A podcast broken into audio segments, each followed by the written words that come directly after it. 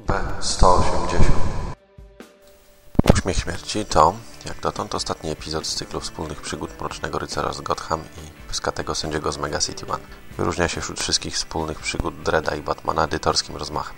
W odróżnieniu od poprzednich zeszytowych wydań ma większy format i jest dwualbumowy. Ten powiększony format, nazywający się bodajże Prestige, ale ręki sobie uciąć nie dam, oraz osobne wydanie obu zeszytów Egmont w polskiej edycji zachował.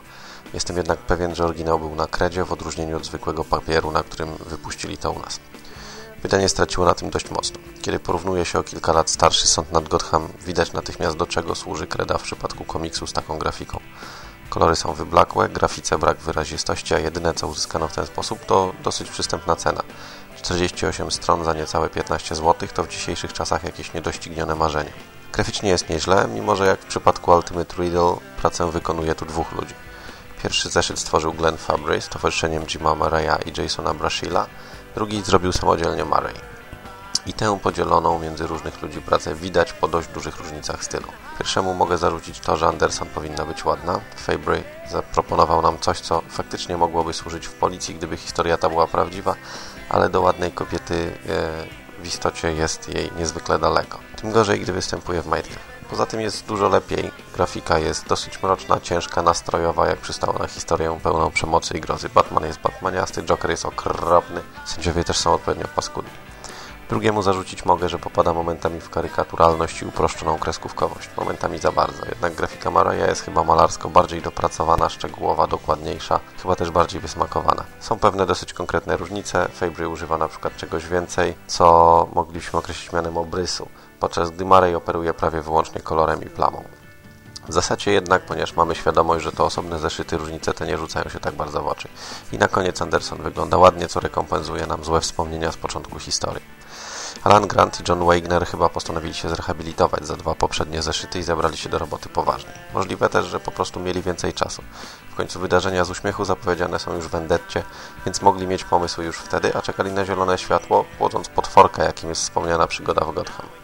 Tak jak w pierwszym epizodzie mamy tu złoczyńcę z jednego wszechświata przeniesionego w ten drugi. Tym razem to Joker trafia do Mega City One, gdzie przybija piątkę z uwolnionymi sędziami ciemności. Ich pomysły na dobrą zabawę polegającą na zabijaniu wszystkiego, co się rusza są na tyle zbieżne, że Joker zasila ich szeregi obdarzone nieśmiertelnością i zabójczym śmiechem. Jest w uśmiechu znów dużo rzeczy, które są potrzebne, aby stworzyć dobrą rąbankę bez poważniejszych aspiracji. Dzięki podziale historii na dwa albumy mamy klasyczny cliffhanger jak w dobrym serialu.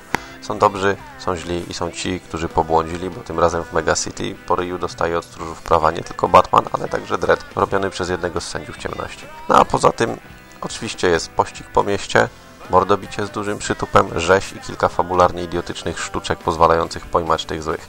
Jest też rozwiązanie problemu Jokera trochę typu Deus Ex Machina, ale można to wybaczyć.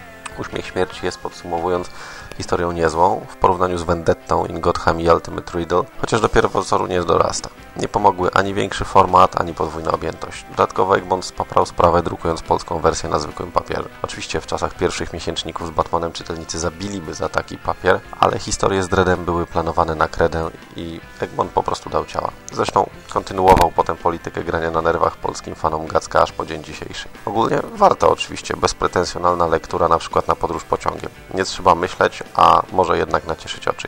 Do dostania już oczywiście tylko na Allegro, bo nakład dawno się wyczerpał. No i, jak to powiedzieć, słowo menażer kojarzy mi się z menażerią. Nie z kimś, kto jest promotorem i kierownikiem zespołu. Wierzę w spolszczenia obcych słów, ale są takie, które są bliższe oryginałowi niż akurat to. A to taki smaczek na koniec. Pozdrawiam. Godaj.